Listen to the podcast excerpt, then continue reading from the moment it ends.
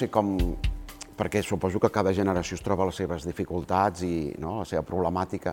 Jo em vaig trobar una mica en el món del musical per casualitat, perquè jo el que volia era compondre i interpretar, que és el que continuo fent, i, i bé, va ser com una carambola doncs, que de goll de gom estiguéssim buscant un, un compositor per fer el Maricel. I llavors vaig fer aquella prova que vam fer i em van agafar i a partir de llavors, diguem-ne, esclar, com que allò va tenir molta notorietat, doncs m'ha estat molt més fàcil dir, doncs, eh, seguir en aquest món, no? tot i que no era un món que jo hagués triat de principi. Però les generacions d'ara, no sé com us, ho, com us ho feu, no? perquè, és clar, hi ha molta més competència també, no? Sí, sobre el tema aquest de la, de la importació de musicals de gran format, jo crec que Clar, evidentment són títols que venen avalats per una trajectòria i un èxit que ja s'ha assolit en altres llocs i en aquest sentit probablement a nivell de producció asseguren mmm, com una repercussió mediàtica i, i, i, i també una solvència econòmica en el sentit que ja doncs, eh, d'alguna manera centralitzen l'atenció de molta gent. No? En el meu cas, potser diria que també he tingut força sort perquè en realitat sempre que he estat immers en un projecte doncs ja tenia un destí assegurat i, entre cometes, no he hagut de batallar perquè, perquè pogués tirar endavant, que això és, evidentment és un, un privilegi i es treballa de manera molt diferent. No? Però sí que em consta d'autors de, de la meva generació, o fins i tot més joves, que, que clar, ja no tenen aquesta porta d'obertura inicial i que, i que en aquest sentit doncs, han de crear primer i llavors presentar les propostes. Ara em consta també que hi ha diverses iniciatives que d'alguna manera incentiven aquesta creació, aquesta voluntat de generar nou material, noves obres, i al final crec que, que bé, malgrat que hi ha pocs espais, eh, sí que hi ha petits, eh, petites portes esperançadores en aquest sentit que, que obren la possibilitat que nous creadors també puguin exhibir i mostrar la seva obra. Clar, el que passa és que potser, el, el, per exemple, a l'època del Maricel, no? que va ser com un, un boom, va començar, diguem-ne, com per la porta gran, aquests eh, musicals que venen, que, que s'importen no? de fora, que ja venen amb el, amb el títol conegut i que tothom abans d'anar-hi ja sap què va veure, doncs, eh, doncs esclar, tenen un avantatge. En canvi, la creació avui en dia, sobretot aquí a casa nostra, és com molt precària, no? Vull dir que sempre són doncs, musicals de petit format, de com a molt mig, mig format, i això veig complicat que, que en un futur pròxim uh, millori això. No? Completament, completament d'acord. Jo crec que d'alguna manera cal solidificar aquestes bases del petit format, que, que el públic del gènere en bona mesura ho sap, però hi ha tota aquesta altra gent que és a la perifèria del, del públic ja més concret i específic, que és seguidor afèrrim del teatre musical, doncs s'adoni que hi ha aquestes propostes, que aquests compositors que puguin destacar tinguin el, la possibilitat d'anar a un mitjà format. I, i llavors jo sempre espero que el teatre musical en català pugui tornar justament i de manera curiosa el lloc d'on va partir, entre cometes, que era justament el, el gran format, la gran ambició artística en aquest sentit, sobretot perquè és rellevant i jo crec que és fonamental que, que una societat pugui també escriure les seves pròpies històries i parlar de, del que l'interpel·la directament. Evidentment, els musicals que ens venen d'Estats de, Units, d'Anglaterra, etc etc són, són obres indiscutibles, la majoria d'ells des d'un punt de vista qualitatiu i de gènere, però al final parlen d'una realitat que, malgrat que podem conèixer, tampoc és la nostra. No? I en aquest sentit sí que incentivar la creació i que el públic i els equipaments donin espai a això suma a, a la societat. Clar. De tota manera, jo tampoc no sóc molt pessimista perquè de vegades es compara a Barcelona a Madrid o a altres grans capitals i sí que hi ha grans... O sigui, amb, amb, en Madrid, diguem-ne que hem perdut eh, la batalla en quant a, a la presentació de grans musicals eh, o el que és el show business, no? Ara, en canvi, aquí, malgrat les dificultats i la precarietat, jo penso que eh, sempre emergeix un esperit creador, eh, encara que siguin molt poques possibilitats, no? però contínuament en teatres petits s'estrenen coses, no? i això jo crec que a la llarga és força esperançador. No? Jo crec que sí.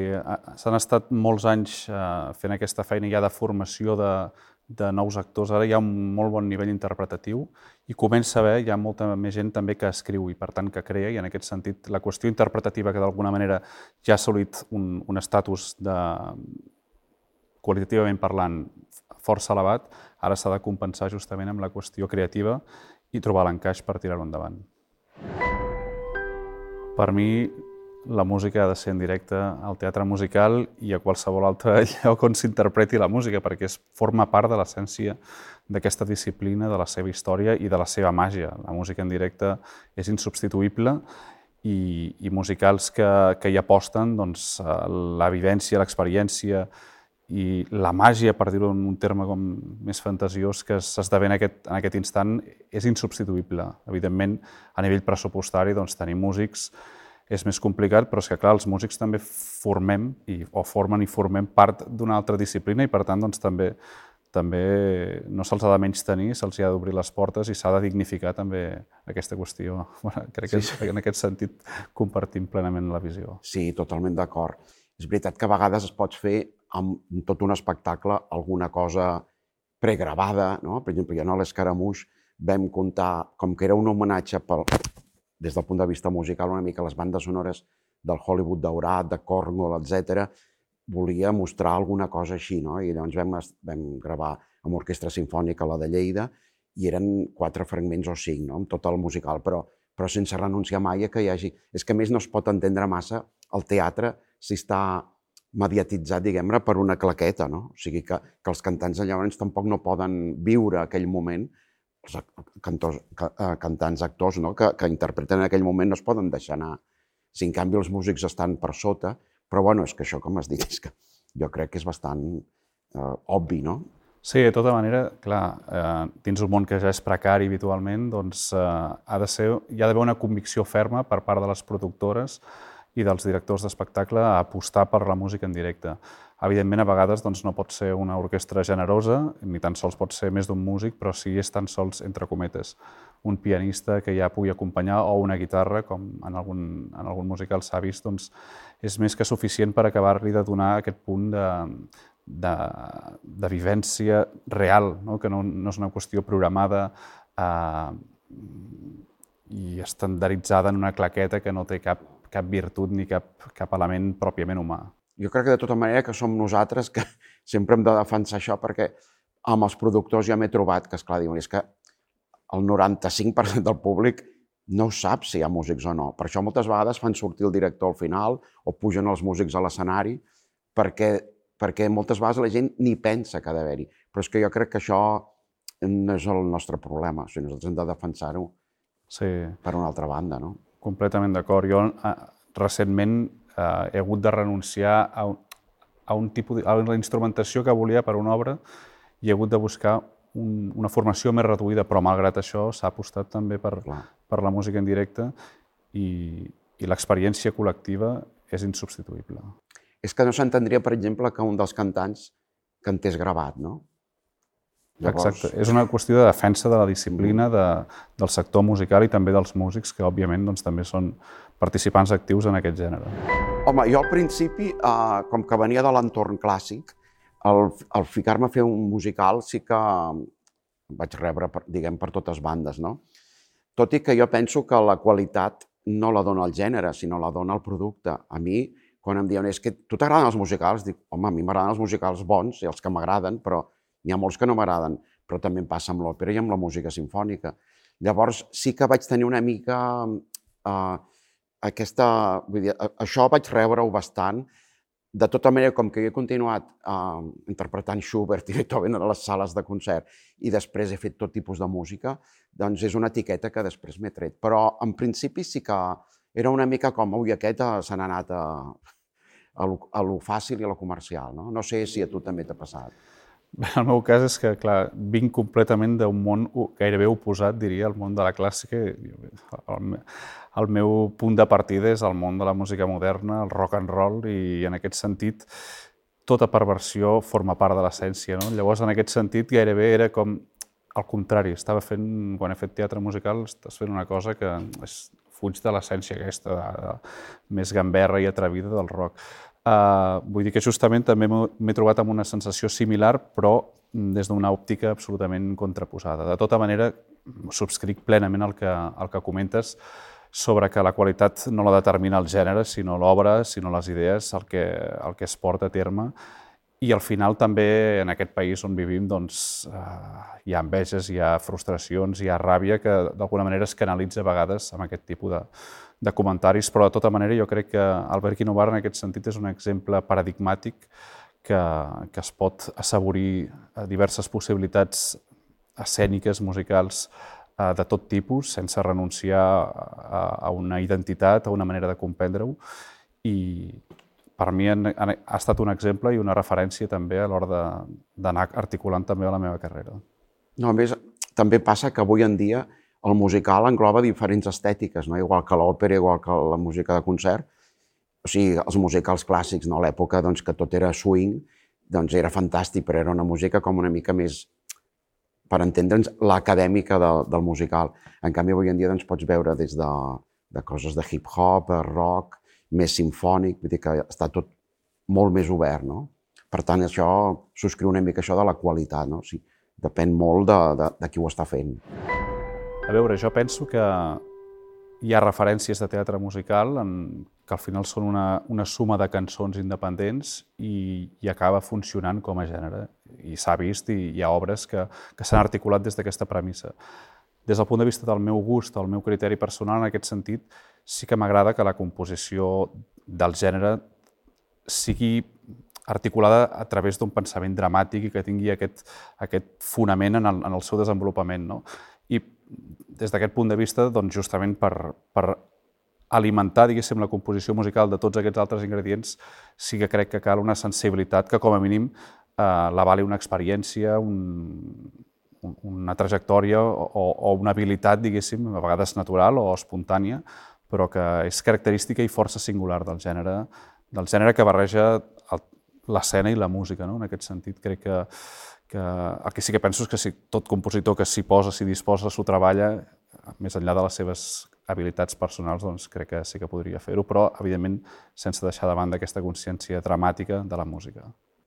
Jo estic molt d'acord. Uh, a mi em passa de vegades que amb algunes propostes, especialment d'òpera contemporània, uh, doncs hi ha una música que està com una mica fora de, de, de l'argument, no? i que fan el mateix estil de música si els personatges s'estan casant o si s'estan matant. No? Jo penso que la música ha de, igual que si fas una cançó, has d'explicar aquesta història. De tota manera, també voldria uh, uh, reivindicar una mica que la, la música també ha de ser bella, ha de ser creativa, ha d'emocionar o t'ha de... És a dir, que el, um, avui en dia de vegades hi ha com aquest, aquest verb que s'aplica de si funciona o no funciona. Per exemple, això amb les bandes sonores cada vegada està passant més. I, i llavors, a mi que la música fun sigui funcional tampoc m'interessa, m'agrada que sigui artística. O sigui, una proposta que, amb l'estètica que vulguis, amb, amb el gust del...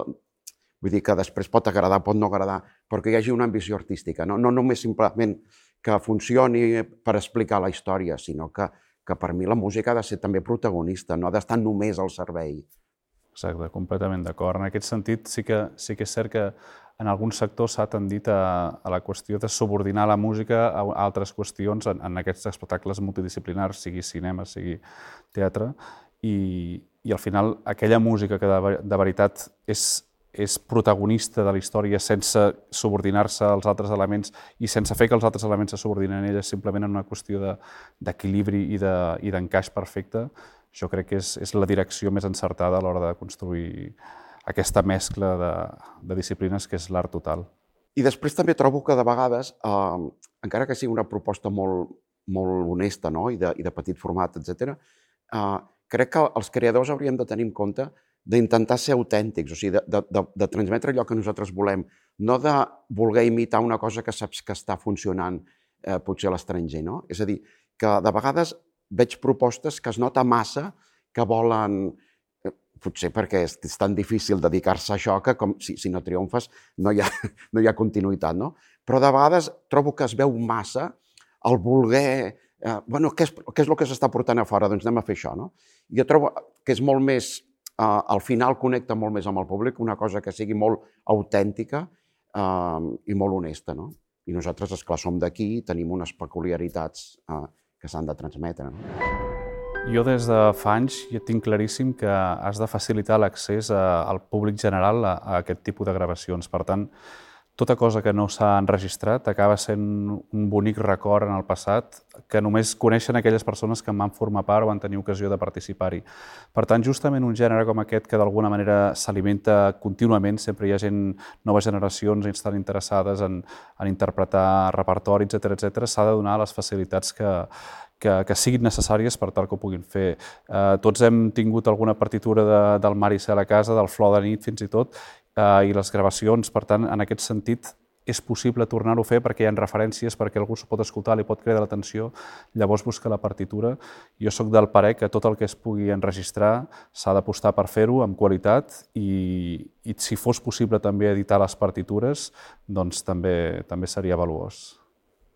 Sí, sí, és totalment d'acord, eh? perquè a vegades has fet una cosa que igual et sembla millor que la que té difusió, però per no estar enregistrada o perquè no existeixen les partitures, doncs és una cosa que només recordaran els que ho van viure. No? I realment això sí que seria una tasca molt bona de poder promoure amb diner públic o el que sigui, doncs de, de deixar un catàleg de tot el que s'està fent. Perquè això sí que és fer país, no? perquè hi ha molta cosa que si no doncs s'esvaeix i no, no. Completament d'acord. És, és, són obres de producció catalana en català i, per tant, també és augmentar eh, doncs el pòsit, diguéssim, de, de referències discogràfiques uh, i facilitar l'accés, com dic, avui en dia poquíssima gent anirà a buscar una partitura perduda per desxifrar com sonava. En canvi, si té una, una gravació de qualitat a, a l'Spotify o qualsevol d'aquestes plataformes, de cop l'accés és molt més senzill i és molt més fàcil, d'alguna manera, dignificar la història i ser conscients també de totes les coses que es fan, que a vegades ho oblidem i se'n fan moltíssimes, però justament per aquesta qüestió no hi ha el testimoni i el testimoni no pot passar uh, de generació en generació. I això, és clar, només es pot fer, jo crec, amb ajuts, eh, perquè avui en dia la discografia i les, i les editorials de música mm, no són cap negoci. Dir que, que avui en dia, com que tothom s'ho pot baixar, tothom s'ho copia i tal, eh, perquè han canviat les coses, i si no ho estic criticant, no? Però, és clar si no hi ha, diguem-ne, un, un suport a darrere, és molt difícil que això es pugui fer de manera privada. No?